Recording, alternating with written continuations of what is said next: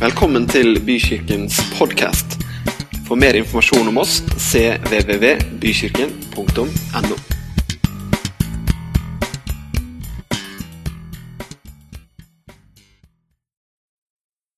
Fint å se dere. Eh, ja. Det står jo, det står jo i, i, Bibelen så står det mange ganger om at eh, de apostlene reiste rundt og forkynte evangeliet. Og andre ganger så står det det at de var og de underviste. Det var litt sånn forskjellige ting som de gjorde. Så jeg tenkte i dag at jeg skulle være litt sånn mer på den undervisningssida, da. Hvis dere er med på det? Er det greit? Jeg, liker det ganske godt, egentlig. Og så skal jeg snakke noe om, så, om noe som, som, jeg syns er interessant. Eh, og så håper jeg at du syns det kan være litt interessant også. Det er jo sånn, jeg, jeg har jo opp gjennom åra selvfølgelig drevet mye med menighet og, og kirke. Og vært, eh, vært, veldig opptatt av hva er det som eh, kan få en kirke til å funke. Eh, hva er det som gjør at et fellesskap kan fungere eh, over lang tid? og bli noe for neste generasjon og neste generasjon osv. Og, så og eh, forrige søndag var veldig fint. Tusen takk til alle dere som, som bidro. Vi hadde jo En av de som sto her oppe, var jo yngstesønnen vår. Og vi var bare kjempetakknemlige for å få være her, og at han fikk lov eh, å være Tentrolev det året her. Så takk til Are og alle dere som har bidratt rundt det. Det var fantastisk eh, fint. Og det var også utrolig herlig å kunne være her forrige søndag. og vi hadde jo gjester og folk eh, selvfølgelig på besøk eh, hos oss som aldri hadde vært her før. Og fikk oppleve denne kirka. Og det var bare utrolig positivt. Så det, det var veldig flott. Men nå, nå begynner jeg å, jeg begynner å bli gammel. Eh, ikke gammel, men altså jeg begynner å bli eh, godt inn i manndommen. da. Eh, sånn at eh, nå har jo vi i vår familie Vi er jo tre generasjoner i kirka her. Og det syns jeg er kult. Det er utrolig gøy å være en flergenerasjonsmenighet.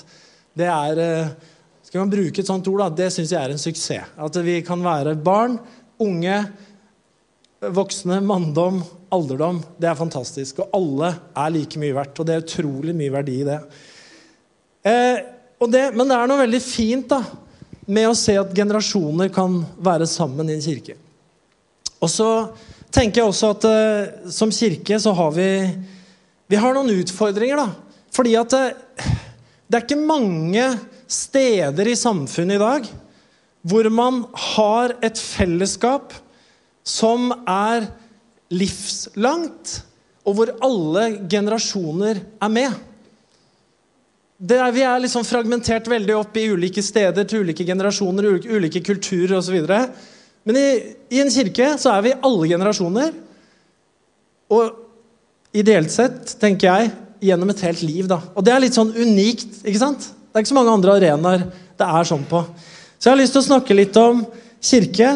Eh, jeg har lyst til å dele noen tanker med deg om kirke.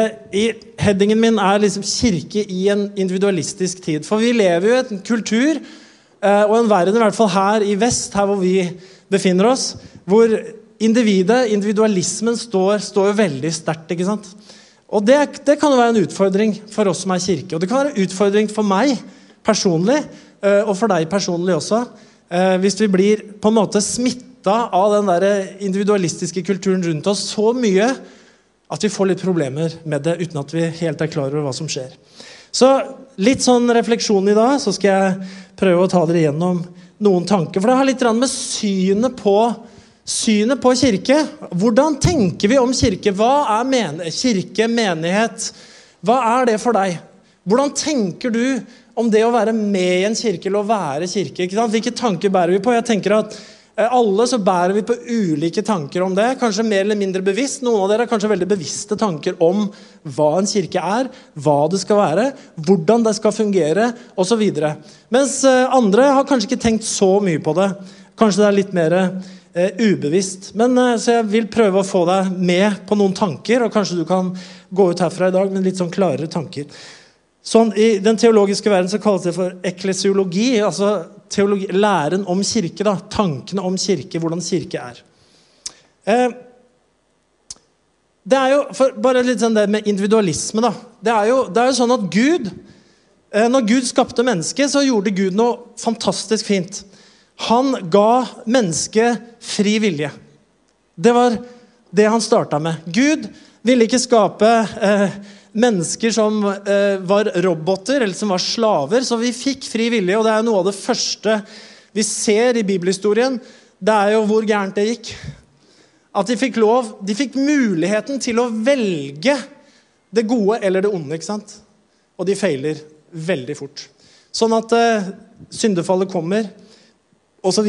Så sånn at det, men, og det har jo vært med Det må være med hele tida. I en sunn eh, kristendom så må det være med hele tida at mennesker har fri vilje. Gud respekterer fri vilje. Gud eh, tillater oss å velge riktig, og vi får også lov til å velge feil. Og Det er det veldig mange som ikke skjønner. At Gud faktisk har gitt oss fri vilje på den måten der. Ja, men hvis Gud, eh, hvis Gud finnes, og hvis Gud er der, og hvorfor gjør folk så mye rart da? Hvis Gud har kontroll? Ja, men Gud har ikke kontroll. Ikke sant? Det er hele poenget. Gud har sluppet kontrollen til å velge til deg og meg. Og så vil Gud hjelpe oss til å velge. ikke sant? Den hellige ånd, hjelperen, vil veilede oss til hele sannheten, sånn at vi kan få hjelp til å velge. Men han velger ikke for oss. Ikke sant? Sånn, sånn, her i verden, i ulike land og ulike hva skal vi si, ulike politiske filosofier osv., så, videre, så fins jo det her med, med autoritære styrer. ikke sant? Sånn som Nord-Korea. da. Der er det ikke lov med individualisme. Altså Individualisme det er forbudt. Punktum. Der har du, du to-tre hårsveiser som du har lov å ha. Seriøst, altså. Det er noen offentlig godkjente hårsveiser. Jeg vet ikke, Håper Bold er godkjent, liksom, for det kan du ikke få gjort noe med. Men Noe gir seg sjøl, på en måte. Men sånn er det jo. Og du, du, har ikke lov å gå med hva slags klær du vil heller. ikke sant? Det er visse typer antrekk som du skal gå med. Og altså, Alt er regulert. da. Ikke sant? Det er lover og regler på alt. og Hvis du bryter de reglene, så er det så rigid at det skal ganske lite til at du havner i fengsel. Og hvis du bryter reglene, så havner også familien din i fengsel. ikke sant? Det er totalt autoritært. Respekterer ikke individet i det hele tatt. Så har, vi, så har vi vår del av verden hvor individualismen har gått, går veldig langt. da. Du skal få velge hva du vil, du skal gjøre hva du vil, du skal realisere dine drømmer. Du skal liksom ha deg sjøl i sentrum i veldig stor grad. Da. Jeg traff Eh, I går så skulle jeg treffe noen kollegaer på ettermiddagen i byen. Eh, og så traff jeg dem eh, og kom gående. Og så sitter det et menneske på bordet der som jeg ikke hadde sett før, som jeg litt rett etterpå skjønte var en eh, sykepleier. 29 år, var litt krise, blir snart 30, blir veldig gammel. Eh, men i hvert fall, det var et nytt ansikt for meg, da. Så jeg kommer bort til bordet, og det første hun sier, er Hei, jeg heter Magnar. Du, jeg har hørt at du har med kristendom å gjøre. Eh, kan, jeg i teorien bli frelst i kveld? Det var det første hun spurte meg om. Jeg var litt sånn eh, ja, det, ja. ja, f.eks. klokka ett i kveld eller natt eller noe sånt. Ja, jeg skal ikke bli her så lenge, men ja, du kan teorien det, liksom. Ja, ja, mm, ja, det var den starten. Det var interessant. Men så litt seinere, en time seinere, setter han seg bort til siden av meg og så drar han opp eh, drar opp den ene armen, og så viser han meg en tatovering hvor det står DCLXVI. Altså romertall. Alle skjønte hva det står der da? Nei. Jeg gjorde heller ikke det. Så jeg kjenner jo igjen noen av de romertallene som bokstaver, altså som tall, da, men jeg, jeg, har ikke full kontroll på alle bokstavene, hva de betyr. Nei, sa Det her, det første er jo 600, og det neste er 60. Og det siste skjønner du, sa jeg. Det skjønte jeg jo, for det var VI, og det er jo også 6. Jaha, sa jeg, så det står egentlig 666 på, på armen din. Ja. Hva tenker du om det, sa jeg. Nei, hva jeg tenker om det Det er jo antikristens tall, da, sa jeg. Det er jo dyrets tall. Så hvilket forhold har du til det? Hvorfor står det på armen din? Nei, det er, det er fordi eh, eh Det er liksom Det forteller at jeg er fri, sa jeg. Ok, sa jeg. Hvor, hvorfor er du fri? Er det fordi du forbinder kristendommen for, Eller vet du hva antikrist betyr, sa jeg. Eh, eller hva Kristus betyr? Nei, det vet jeg ikke, sa jeg. Men da skal du høre, sa Kristus det betyr egentlig på gresk 'den salvede'. Det skjønte jeg ikke noe av. Salvede. Jo, det er sånn at I Det gamle testamentet så var det sånn at hvis Gud skulle bruke noen, så var det sånn at Gud, det, da tok de olje på hodet til den presten eller den profeten eller den kongen. Og når de gjorde det, så sa de at han ble salva. altså Det var et symbol på at Den hellige ånd kom over det mennesket og hjalp det mennesket til å tjene Gud ved hjelp av Den hellige ånd. Da var du salva. Så Kristus betyr den salvede, han som har fått Den hellige ånd av Gud for å tjene Gud i verden. Så det er Kristus. Og det du har på armen, det er anti-krist. Å oh, ja! Det synes Er det sånn det er? Ja, det er sånn det skjer. Ja, det er kanskje Ja, det var jo litt eh, Kanskje ikke er så bra? Nei. Så, så sier jeg at eh, Men for deg, hvorfor, er, hvorfor For da kan jeg gjøre som jeg vil. Ja, Så for deg så, så er kristendommen det er masse regler og bud og dogmer da, som du føler tvinger deg til et liv du ikke vil ha? Ja, det er helt riktig. Mm. For meg så er det helt motsatt, sa jeg. Det er det faktisk. Og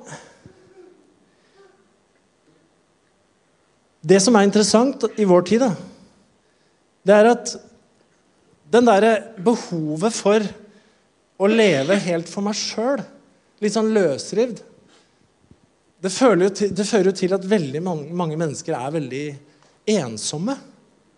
Ikke sant? Fordi at eh, når Gud skaper oss som individer da, med fri vilje, så gjør jo Gud det, ikke sant? Og Gud gir oss talenter. da. Nord-Korea, som undertrykker all individualisme, hva er resultatet? Jo, det er jo fattigdom.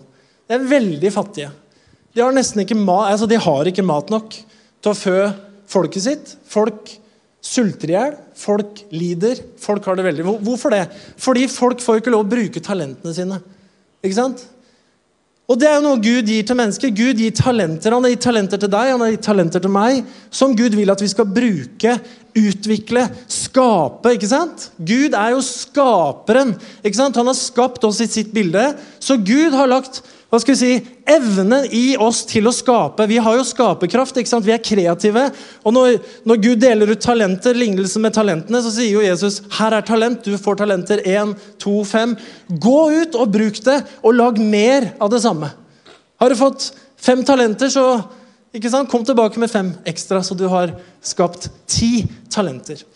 Og det her er jo det her er jo det som Gud vil. da, At vi skal være individer på den måten. Vi skal kunne være spesielle. Vi skal kunne være noen som gjør noe som er unikt for oss. Det blir jo borte i Nord-Korea. Du får ikke lov å gjøre noe sånt. Alt skal styres av den store lederen, som vet og kan alle ting. Men samtidig, da, i Bibelen, samtidig som Gud har skapt oss som individer som kan skape og gjøre noe og oppleve noe og gå i en retning, så sier også Bibelen at det er større å gi enn å få. Ikke sant? Så Bibelen vil at vi skal være mennesker som eh, gir oss til noe som er større enn oss sjøl. Vi skal kunne gi oss til andre mennesker. For forhold. Ekte, ektepakten. da. Det er jo et sånn dramatisk valg som en tar. ikke sant? Jeg velger å gi meg selv til et annet menneske og love på tro og ære å leve sammen med deg i gode dager til døden skiller oss av. Ikke sant? Og da må, vi, da må jeg gi avkall på noe i meg sjøl for å våge å gi meg til et annet menneske. Eller gi oss til en visjon, gi oss til et arbeid. Ikke sant? Hele den kristne misjonsbevegelsen er jo tufta på det at mennesker har gitt sitt liv for noe annet enn seg selv. Man gir avkall på Det var det Jesus gjorde. Han er det store forbildet. Han ga avkall på den herligheten han hadde i himmelen for å komme ned og tjene og dø, og så ble det noe mye større ut av det. Men hvis det blir borte, da Vi har fri vilje, vi kan gjøre hva vi vil, men vi vil heller ikke hengi oss til noe annet enn oss sjøl, så blir vi fort ensomme. Og det har jo mange. ikke sant? De sier nei, jeg kan ikke jeg kan ikke, jeg kan ikke forplikte meg i et forhold. Jeg kan ikke gifte meg. I hvert fall ikke gifte meg. Fordi tenk om Tenk om det går gærent? Eller hva vil jeg miste hvis jeg hengir meg inn i et forhold? For så mister man den der at man skal gi noen ting. Og så blir det veldig mange som blir ensomme. For man tør ikke, man tør ikke å gi seg til noen ting. Skjønner du hva jeg mener? Men, Så det er liksom den derre tida som vi lever i, da. Hvor veldig mye er fokusert på individer. Jeg skal lese litt om, om Jesus. Eh, litt hvordan Jesus var. Det står i Matteus 8, 1-4. Så Jesus han, han uh, har vært og undervist. Bergprekenen. Så står det at han uh, gikk ned fra fjellet. Det var store folkemengder som fulgte ham. Da kommer det en mann som var spedalsk. Han kastet seg ned for ham og sa, 'Herre, om du vil, kan du gjøre meg ren.' Jesus rakte hånden ut og rørte ved ham. 'Jeg vil', sa han. 'Bli ren.' Og straks ble mannen renset for spedalskheten. Men Jesus sa til ham Legg merke til det. Ikke si dette til noen, men gå og vis deg for presten og bære fram det offeret som Moses har påbudt. Det skal være et vitnesbyrd for dem. En annen historie, Matteus 16. Jesus han kom til distriktet rundt Cesarea Filippi. Han spurte disiplene hvem sier folk at menneskesønnen er. De svarte ja, Noen sier døperen Johannes, andre Elia, andre igjen Jeremia eller en annen av profetene. Men dere spurte han, hvem sier dere at jeg er? Da svarte Simon Peter, du er Messias, den levende Guds sønn. Jesus tok til orde og sa, salig er du, Peter, på denne klippen vil jeg bygge min kirke, og dødsrikets porter skal ikke få makt over dem. Jeg vil gi deg himmelens nøkler, og det du binder på jorden, skal være bundet på jorden, og det, det du løser eh, skal være bundet i himmelen, og det du løser på jorden, skal være løst i himmelen. Så påla han disiplene ikke å si til noen at han var Messias. Og det her, Hvis du har lest en del eh, i evangeliene, så ser du at det her, det her går igjen ganske mange ganger. da at Jesus gjør noe, og så sier han ikke si til noen at det var jeg som gjorde det. Ikke, ikke fortell om det. Ikke sant? Bare gå hjem eller gå til presten og, og vis deg. Ikke sant? Og ikke si til noen dere vet hvem jeg er. Det er litt interessant fordi det, for, det forteller noe om at Jesus, Jesus var på det tidspunktet han var ikke spesielt PR-kåt. Det kan vi være enige om. Han kunne jo kjørt noen store reklamekampanjer. Ikke sant? Nyhetsbrev, Jesus Christ Ministries. Sjekk siste streamen på siste videoer som er lagt ut. ikke sant? Heftige mirakler. Nå enda større mirakler enn før. Kom og hør. Kom og se. Mange ganger så var Jesus sånn at han prøvde jo å være aleine, men det gikk jo ikke. Det kom så mye folk etter han. Og han prøver mange ganger å komme seg unna det. da. Eh, og har ikke behov for å gjøre seg selv kjent. Eh, og Det kan man jo tenke hvordan det er i karismatisk pinsekristendom en del i moderne tider. Eh, en annen ting da, som du legger merke til når du leser Nytestamentet Du, du leser ingen beskrivelser av eh, hvordan Jesus så ut. Jeg vet at det er tradisjon på Jesus med halvlangt skjegg langt hår og blå øyne, som han sannsynligvis ikke hadde. Eh, og vi har Jesusbilder på veggen hvor han sitter med hendene sånn. Uh, og Det må man gjerne ha, men altså, det står ingenting i Bibelen om hvordan Jesus så ut. Det står ingenting i Bibelen om eh, hvordan apostlene så ut. Det står ikke noe om hva slags klær de hadde, hva slags farge Peter likte å ha på sjalet sitt, eller på hva slags belte han gikk med osv. Det står ingenting om det. Det står bare om Paulus en gang, at han var ille tilrett. Han var ikke noe særlig å se på. Da hadde han jo blitt piska, og sånn, så det var jo naturlig. Ellers regner jeg med at Paulus var ganske liten av vekst. Pavlos betyr liten, så jeg vet ikke. Men i hvert fall, de får navn, da, men vi har veldig liten beskrivelse av det. Og veldig mange av de som liksom mener om det her, teologer, de mener at det er helt bevisst da, at det ikke står noe om det. Fordi at Hvis det hadde stått noe om det, da ville jo alle ha skult etterligna den stilen. ikke sant? Skulle hatt samme, samme kappe som Peter, ikke sant? med det mønsteret og det beltet. ikke sant? Og skulle liksom, de skulle se like ut. da. Men det finner vi ikke. Det vi finner, det er undervisninga deres. Hva de gjorde, hva de tenkte, hva de sa osv. Det er basically det som, eh, som man ser. da. Og så har jeg fundert litt på noen ganger. For når det har gått noen år da, Eh, jeg har jo levd noen år Jeg begynner å sånn, ha litt sånn kirkehistorie. Eh, levd kirkehistorie i livet mitt. Og jeg har tenkt litt på hva som får kirker til å bevege seg framover. Og kirker til å på en måte, i gåstegn lykkes. da. For jeg synes jo det, Dette her har sett veldig annerledes ut, i hvert fall i min voksne levetid, i forhold til noen av de tinga her. Hvis dere skjønner hva jeg mener.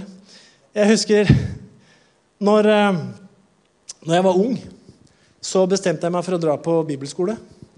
Og da eh, reiste jeg til, til, Sverige, til Livets Ord. Eh, for dere som ikke kjenner det, så var det er fortsatt en, en, var en stor menighet i Uppsala. Eh, og det var egentlig gamle prester som hadde blitt eh, fornya ved Den hellige ånd, blitt døpt i Den hellige ånd. Og det var litt sånn der, eh, karismatisk eh, menighet på steroider. Eh, på en måte. Det var, det var full fart. Men det var, det var første gang jeg eh, husker jeg møtte profilering av predikanter på et sånt enormt nivå. Jeg kom jo fra norsk pinsebevegelse, hvor pastorene flytta rundt sånn hvert femte år ca. Og forsamlingen syntes det var fint å få en ny osv. Så, eh, så ble vi kvitt han gamle, og så rulla man rundt. Eh, men da når jeg kom til Livets Ord, husker jeg, så ble jeg helt, eh, jeg ble helt slått over ende. Husker jeg kom inn i foajeen der, og Det var en stor butikk. da. Og Han som var pastor her, han het eh, Ulf Ekman. Og eh, det var altså så mange bilder av han eh, overalt at det var helt fascinerende. Det var, det var, bøker av han, det var bilder av han, det var, var den gangen det var kassetter. da. Man hørte på taler på kassetter, for dere som husker det. Kassett. Plastdings man putta inn. Eh, og han, han, var, han, var, overalt, rett og slett. Og en del, del andre predikanter som var overalt. Så det var en voldsom profilering. da. Og det, Jeg kom i kontakt gjennom det med amerikansk kristendom, såkalte ministries. Hvor det var ikke, ikke menigheter som ble profilert, kanskje det var forkynnere som ble profilert gjennom På alle mulige kanaler så ble det profilert. Og folk var veldig Vi var veldig fascinert av de predikantene. Det ble nesten litt sånn der, eh, personkult. Og det blei ble liksom veldig populært, skal vi si. Og det var jo også helt vanlig at, eh, at eh, man ga ut masse bøker. Disse predikantene ga ut masse bøker, men mange av dem ikke alle, men mange av dem skrev jo ikke bøkene sine sjøl. Det var jo medarbeidere som satt og skrev de bøkene ut fra forkynnelse osv. Det er ikke noe feil i det. Altså, det, er jo, det, er jo, mange som gjør det, politikere og det ene og det andre, som har folk som skriver bøker for dem, og så setter man navnet sitt på. Men det ble profilert som en stor forfatter, ikke sant? og ble man ble heisa veldig høyt opp. Og folk kunne reise halve kloden for å høre akkurat den predikanten. Så det ble en enorm fokus på predikanter og ministries osv. Og, og jeg tenker at det ligger noe i det her, da. Fordi en, en, en, en kirke, da, en litt sånn traust kirkeorganisasjon hvor man, hvor man kommer og liksom bare er år etter år etter år det er kanskje ikke så spennende da, som den der spennende predikanten eller den spennende tjenesten som kommer. Men man blir veldig fokusert på disse individene. Og så har det vist seg opp gjennom noen år nå at predikanter de gjør jammen feil valg, de også. De går feil. Mange eksempler på det. Hillsong, Brian Houston. Svær greie. Ikke sant? Andre som kommer i en maktposisjon, som mister det, så er det hele kirker som går ned. Fordi en leder har blitt løfta så enormt høyt at når en leder faller, så kan hele kirken falle sammen. Og det er et sånt særpreg for vår gren av kristenhet. At vi løfter ledere så høyt, individet løftes så høyt og blir så viktig at om det individet feiler, så kan alt rase. Noen amerikanske undersøkelser viser at pastorer, prester i karismatiske frikirkelige sammenheng er de som har størst rate på utbrenthet. Hvorfor det? Fordi både de selv og forsamlingen legger enorm vekt ved den personens viktighet. Det er den personen som har visjonen. Det er den personen som bærer kirken, det er den personen som liksom definerer alt. Og så er det ikke feil med mennesker som har gaver, visjoner og inspirerer. Lederskap har alltid vært viktig. Men det er noe med det her at individ løftes opp på en plass, og at vi som troende knytter vår åndelige identitet og vår tro og vår måte å leve kristendom på opp til en bestemt leder eller en person på en sånn usunn måte at hvis det går gærent der, så går det gærent også med meg. Og det er ikke sånn det skal være. Fordi individualisme betyr at vi kan gjøre det vi vil, men individualisme som en sånn nærmest en sånn filosofi, en måte å leve på, det fører til at vi kan bli ensomme og miste fellesskap som Gud egentlig har gitt oss. Hvis vi går litt sånn tilbake i historien, da, så var det sånn at fram, fram til reformasjonen i 1517 Martin Luther, presten, den tyske presten, som kom med reformasjonen Fram, fram til reformasjonen så ikke så, hadde, så var jo kirken var jo én. Altså det var jo ikke noe sånn at det var forskjellige kirkesamfunn og forskjellige, liksom forskjellige sånn. var, vi, hadde, vi hadde en deling av kirken rundt 1000-tallet mellom Østkirken og Vestkirken. Men de, de, sa ikke om hverandre at de var kjetterske. da, At den ene kirken har helt feil og vi har helt rett. De sa bare Ikke bare, men de sa at eh, de har den rette lære, basically, men de, de, de, utfører det på en måte som ikke er forenlig med oss. Så Det ble jo et skisma, som de kalte det. 1054, eller hva det var. Eh, mellom den Østkirken, i, i, som var jo da i dagens Istanbul, i Sofia Hagia, som nå er en moské, men som ble bygd på 500-tallet. Som var en svær, flott kirke. Der var det en patriarken eh, som holdt det der. Som ble liksom en greie mellom han og paven i Roma. Så der ble det en deling av kirken. Da, men på en måte så lå det en anerkjennelse til hverandre allikevel. Men uansett, fram til Luther så var kirken var én. Det var, mange, det var ikke masse kirkesamfunn eller bevegelser liksom frittstående rundt omkring. Kirken var kirken. Det var liksom sånn det var. Var du kristen, så, så var du en del av kirken. Og så var det sånn at da Luther eh, kommer på banen, så har jo han Luther har problemer, han får problemer fordi han får ikke fred med Gud. Han leiter etter å få fred med Gud i kirken sin som prest, men opplever ikke å finne fred med Gud. Og Han begynner eh, med nye øyne å lese, lese Bibelen. Og det må jo gå veldig fort fram, altså. Men i hvert fall så Luther han kommer med noen teser ikke sant, i 1517. Eh, og tar, tar, et oppgjør da med mange av de tradisjonene som hadde bygd seg på i den romersk-katolske kirken hvor han var prest gjennom mange mange århundrer. For Katolikkene har jo ikke bare Skriften, de har jo ikke bare Bibelen. Katolikkene har jo også tradisjonen. ikke sant? Sånn at De sier at Gud har fortsatt å virke gjennom historien.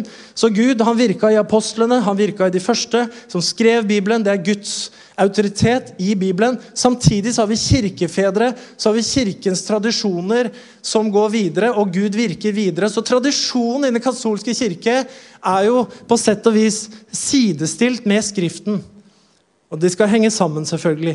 Ikke, det ene skal ikke slå i hjel det andre. Men i hvert fall så har tradisjonen, og mange av de tradisjonene som da hadde blitt til gjennom århundrene i kirken, mente jo da Luther at det er jo ikke forenlig med Guds ord. Det stemmer jo ikke, dette har jo blitt helt feil.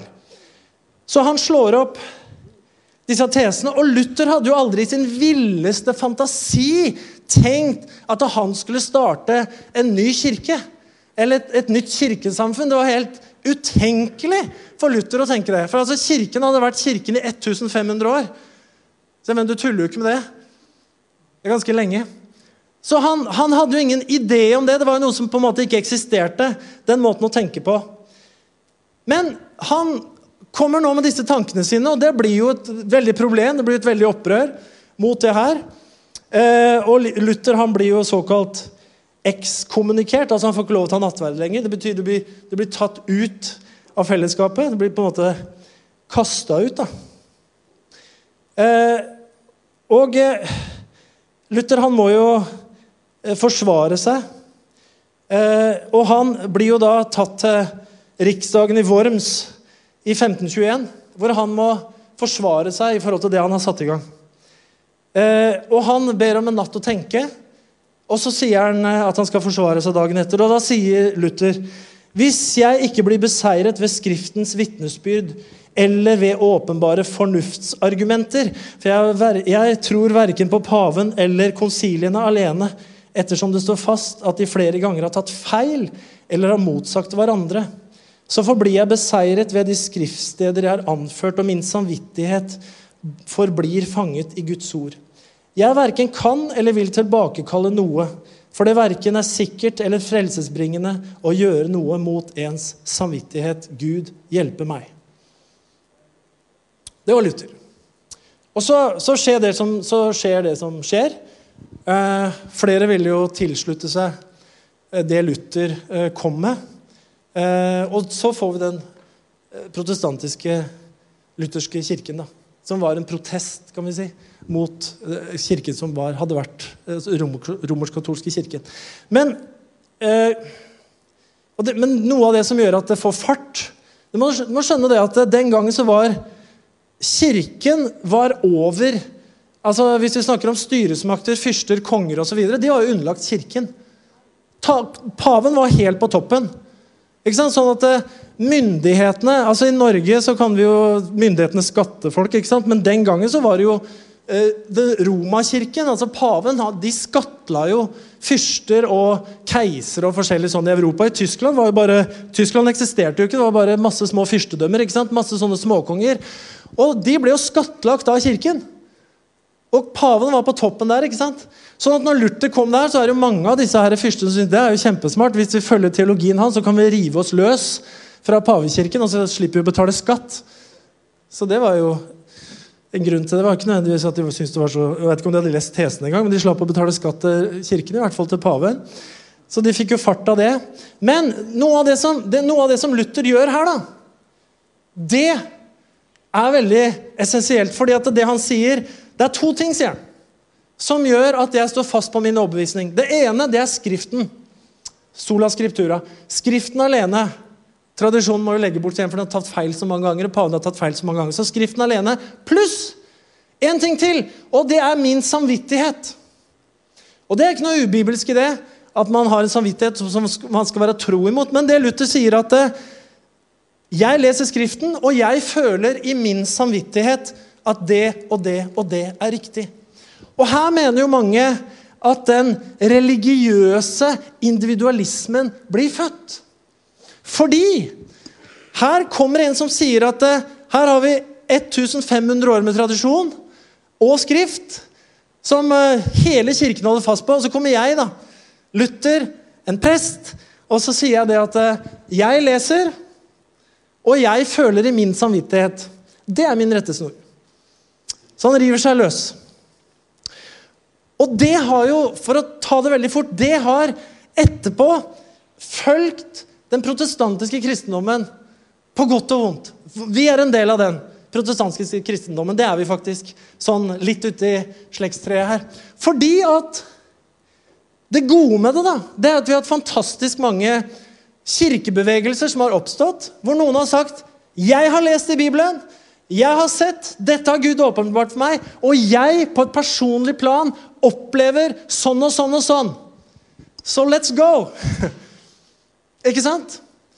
Og Det har ikke vært styrt av en stor kirkelig organisasjon. Så ut fra det har vi sett mange eh, sterke tjenester, forkynnere, som har skapt kirkebevegelser, som har skapt vekkelser osv. opp gjennom historien, som gjør at eh, kristendommen har bredd seg utover verden ut fra den greien. ikke sant? Men samtidig i det her da, så gir jo det her rom for hvem, Og det var jo kritikken som Luther fikk. det var jo, ja, men nå kan jo, altså Hvis du bare kan komme her og si at 'jeg føler i min samvittighet at sånn og sånn er riktig', da kan jo hvem som helst komme og si det, da. Det blir jo bare rot! Det er helt riktig. Det har vært masse rot.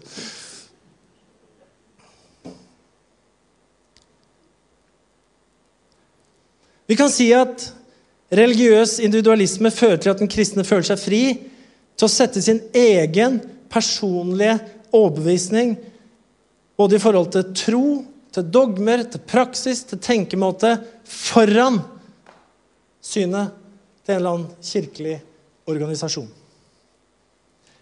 Det fine med det er jo, som jeg sa, at det har vært mange vekkelser, mange tjenester, som har oppstått. Hvis vi tenker på vår historie, da Jeg vet ikke hvor mye forhold du har til det når du kommer her i bykirken, at det er en menighet som tilhører pinsebevegelsen i Norge. Men eh, sånn er det, hvis du ikke er klar over det. Eh, og det, vi, vi, si, vi oppsto jo for eh, litt mer enn 100, ja, cirka 100, litt mer enn 100 år siden. Med en som heter Thomas Boll Barrat. Han var jo, han var jo eh, Åh, nå står det helt stille. Ja, Han var metodist, selvfølgelig. Han var metodistprest i Oslo. Og han hadde jo ikke tenkt å starte en ny kirkebevegelse. Det hadde han ikke tenkt. Han tenkte, at, han tenkte litt som Luther. Jeg kommer hjem, jeg har fått noe fra Gud. Han har opplevd dåpen i Den hellige ånd, tungetale. Alt det her, Kommer hjem til Oslo, har vært i Amerika og tenker at dette her må jeg jo dele videre. Dette kommer sikkert alle til å være interessert i. Nei, not so much. Så det ble, det ble, det ble en, en, vekkelse av det i Oslo, i Kristiania, som det het da. Og da ble, det, da ble pinsebevegelsen eh, født etter hvert. Men han, han tenkte jo egentlig ikke at det var det han skulle. Han hadde ikke en sånn plan på det å starte Thomas Ball Barrat Ministries og, starte big successful church, liksom. Men sånn ble det, da. Selv om han egentlig ikke ville, vil det. Men jeg, bare, jeg, har reflektert litt over det her og tenkt på hvor Den derre åndelige individualismen, da, kan jeg kalle det, som gjør at jeg kjenner, og jeg tror, og jeg føler, og derfor så gjør jeg eh, Mange ganger også har bitt i vår del av kristenheten i halen. Hvor det er utrolig lett å forlate et åndelig fellesskap.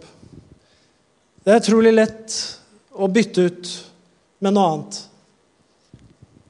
Det er utrolig kort vei til å tenke at noe er gammeldags, ubrukelig, er ikke noe, er ikke noe å samle på lenger.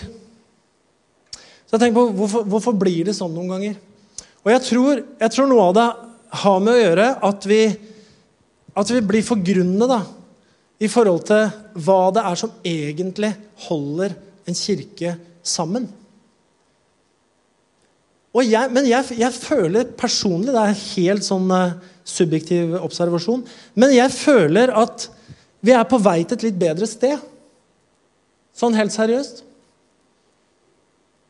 Jeg har vokst opp med tilbake i historien på en måte bare både vært med på og observert hvordan generasjoner har stått imot hverandre da, i frikirker. Hvordan gamle har vært eitrende. Jeg husker jeg var lydtekniker jeg tror jeg var sånn 14 år eller noe sånt. Var lydtekniker. Satt og skrudde på knapper. ikke sant? Og da var det, husker jeg, en eldre kar som sa til meg Jeg husker, jeg husker ikke ordrett, men han, han, kommer i hvert fall Han sitter foran meg på benkeraden hvor jeg hadde miksepult, sånn som jeg er her nede. Og, og, snur seg rundt og sier et eller annet om at disse høyttalerne og denne miksepulten, som lager all den litt for mye lyd, sikkert, da, at det var noe i retning av Satans verk eller noe sånt. Og du glemmer jo ikke det, liksom. Det, det, det var interessant. Eh, jeg satt nå og skrudde videre på de knappene, jeg. Men altså, det var jo sånne, sånne type ting, da. Det er ganske kraftige saker, liksom. eh, og likedan yngre mennesker som bare ikke orka de gamle, ikke sant? for at de var så ute, og det var så gammeldags, og de skulle liksom ha de gamle tingene og det ene og det andre. Og så blir det en sånn individualistisk tankegang hvis ikke jeg får møtt mine behov, hvis ikke jeg får ting på min måte, så er det ikke verdt å være der. Og det største ansvaret for ikke å si det, det er vi som er voksne. De unge skal få lov å slippe det så mye. De må bare slippes løs. Og det er vårt ansvar, vi som er voksne. Fordi de tinga der, det er ikke det som holder en kirke sammen Jeg syns det er veldig bra. Jeg har gøy med alt som er nytt og moderne. og alt mulig sånt nå. Men det er ikke det som skal være attraksjonen i en kirke. Det er noe helt annet som skal være attraksjonen i en kirke. Og hva tenker vi på da? Hva tenker vi på er viktig for å være en kirke? Er det at mine behov blir møtt? Er det utgangspunktet at mine behov blir møtt på liksom ned til minste detalj, nærmest? Eller er det at jeg kan gi meg inn for å være noe for andre? For å tjene? Så er jeg helt sikker på at det prinsippet gjelder at den som gir, han får. Det er noe der, altså. Det er ikke sånn at han som får, han får enda mer. Det er han som gir, han får. Det er så basic. Og hva, hva er grunnlaget for kristen enhet? Hva er grunnlaget for enhet i en kirke? Det skal jeg lese for deg nå. Her er det. Jeg tror på Gud Fader, den allmektige, himmelens og jordens skaper. Amen. Amen.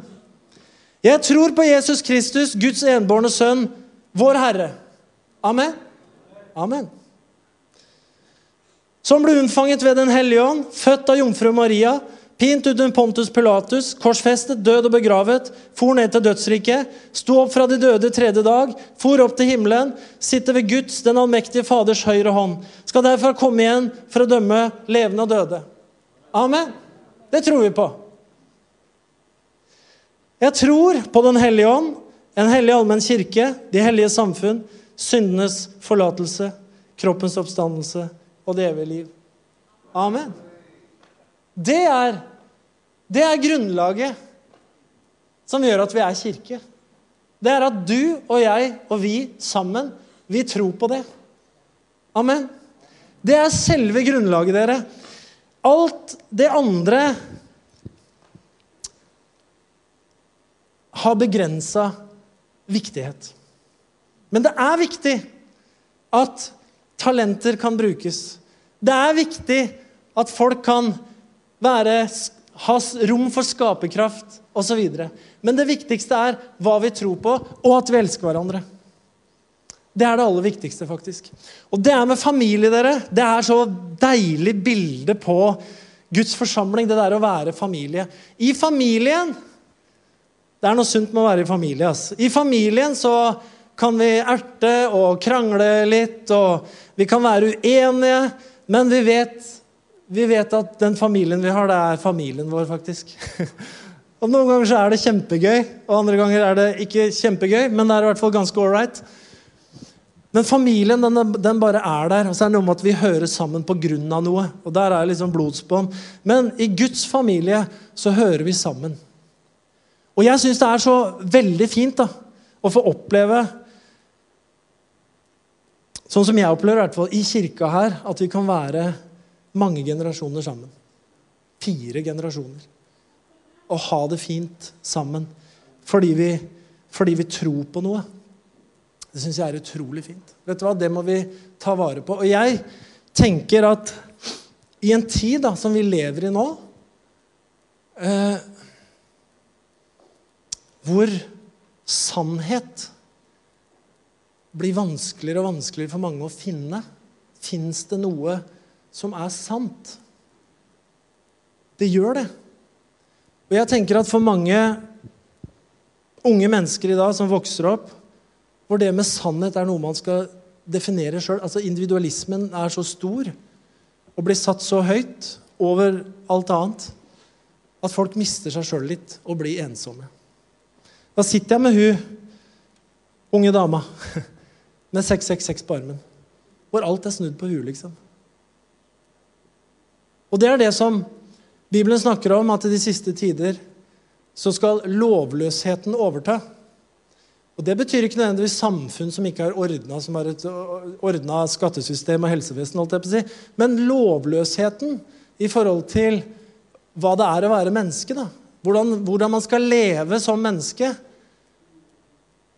Fordi at i Bibelen, i Guds ord, så får vi lov å være individer, men vi får også lov å forholde oss til sannheter om at Gud er Gud, at Gud har skapt mennesket, At det er visse måter å leve på, visse regler, kall det regler, visse prinsipper er kanskje et bedre ord, som Gud har gitt oss mennesker å leve på for at vi skal ha gode liv. da. Og jo mer vi bryter med de prinsippene som er gitt oss i Guds ord, jo dårligere blir det å være menneske. Og så tror jeg at mange vil oppdage at det fins steder da, hvor det er noe som er solid, da, hvor det er fundament, hvor man står solid mer og mer. Så jeg er jo stolt av å være kristen. Jeg tenker at Det er, det er en bra ting å komme med. Når alt flyter og ingen vet hvor de skal gå, så vet jeg hva jeg står på, vet hva jeg tror på. Jeg har noe som ikke går i stykker. Og da kan jeg få lov til å være individ. Jeg kan få lov å være Magnar. Du kan få lov å være deg. Men jeg er ikke så individualistisk at jeg må løpe av gårde et sted hvor jeg bare står i sentrum sjøl. Det her var litt tanker om å være kirke. Og jeg, jeg, håper at du bare kan ta med deg litt sånn refleksjoner hjem. da. Og tenke litt på hvorfor er du en del av fellesskapet. På hvilken måte er du en del av fellesskapet? Og jeg kan si for meg eh, så er det viktig Det er viktig å, å være en giver, da. Og så kan det være litt sånn forskjellige faser i livet. Men jeg tenker at det er noe jeg tenker vi alle ha, må ha med oss. det her at Skal du få, så må du gi. Har du fått noen gaver, så vær med å gi dem. Det skal være litt sånn personlig. Det, mange av dere vet i hvert fall Jeg var med å, å, å grunnlegge Bykirken. Eh, og, og, den måten vi gjorde det på. Og var jo pastor her Jeg var pastor i 15 år. Og så var jeg pastor her i 8 år. Og jeg var jo veldig aktiv. Jeg var jo med i alle mulige råd og her og der i Norge. I Dawn satt masse forskjellige styrer i litt sånn nasjonale ting også. Så jeg var veldig aktiv. Og så kjente jeg at eh, om jeg ikke møtte veggen, i hvert fall, så ble jeg veldig, sli jeg var veldig sliten da, etter 15 år med veldig hardt kjør. Det må være lov å si. Så, så da var det Bent Ove som tok over her. Det syns jeg har gått veldig bra. Går fortsatt veldig bra. Ikke sant? Han sitter jo i Spania. Jeg må jo si det. Ja, det mener jeg, altså. Men Så det var noen som spurte ja, hva nå, da? Skal de ikke gjøre noe lenger? Eller har det blitt frafallen, eller hva har skjedd? liksom? Men Så derfor For når jeg vokste opp da, i typ Livets Ord og den branchen av karismatisk kristendom, så var det en veldig fokus på å bli den store predikanten. Det var det, altså. Og Den praten gikk blant oss up and coming preachers. Jeg var jo sånn up and coming preacher. ikke sant? Vi var på predikantskole vet du, og preka og fikk karakter og sånn. Og jeg gjorde det bra, da. Det er mye bra, mye bra, det der. altså. Det var riktig trøkk her. altså. Det var kanonbra. altså. Yeah, jeg skal hjem til Norge òg. Ikke sant? Og det var en Det var jo Jeg hørte akkurat på en en podkast som ligger ute om Envald Flåten, som mange av dere kjenner. Han gikk jo bort nå, 70 år. Om levende ord, som, som tok av fra 0 til 2000 medlemmer i Bergen. ikke sant? Men hvordan det her skjærte seg helt. da. Fordi han store predikanten, det gikk ikke bra med ham. Det ble bare et masse trist som skjedde, egentlig. Og derfor så Ofte så verdsetter vi så veldig de der store tinga, da. Men Min konklusjon er Og hvem vet hva framtida bringer? Men i hvert fall så er det sånn Jeg er her for å bidra. Ikke sant? Det er det, det, vi alle kan gjøre. Vi kan bidra. Noen ganger så bidrar vi kanskje med ting som folk syns er veldig mye. og han bidrar mye. Og andre ganger så bidrar vi med mindre ting. da. Men det er Kristi kropp ikke sant? som henger sammen. Hvis alle bidrar, så blir det noe veldig fint ut av det. Og det må du aldri se ned på. Om du bidrar med det mange syns er lite, så er det utrolig viktig. Utrolig viktig. Hvis du brekker lilletoa, prøv å gå, prøv å løpe. Den er liten, men den er viktig. Så ja, Vet ikke hvordan jeg skal konkludere, altså. Men jeg vil konkludere med å si at uh, vi burde ikke være så Vi burde ikke ha en sånn religiøs individualisme som gjør at vi liksom går litt for oss sjøl og bare blir isolert. Ta, ta, Sett pris på fellesskapet rundt deg. Tenk litt på hvorfor er jeg i kirke. Hva kan jeg bidra med? Hva kan jeg være med å gi?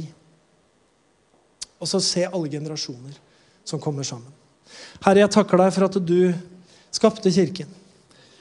Og Du kaller oss for din kropp, Herre. Du kaller oss for dine tjenere. Du kaller oss for mennesker som skal være til både for å bruke de talentene vi har, men også for å tjene andre, Herre. Jeg takker deg, Herre, for at du viser oss hele bildet, Herre. At vi er en del av noe større som heter Kristi kropp. Jeg takker deg, Far i himmelen, fordi at du skal være med hver eneste en av oss. Jeg takker deg også, Herre, for at det er plass til alle mennesker i din forsamling, Herre. Om mennesker opplever det er på høyden, eller om mennesker opplever at de, at de på en måte er på et stille sted i livet, Herre, så takker jeg deg for at, at vi er velkommen til deg. Og takk for at vi er velkommen i fellesskapet, Herre. Takk for at du sa 'Kom til meg, alle dere som strever og tungt å bære, og jeg skal gi dere hvile'.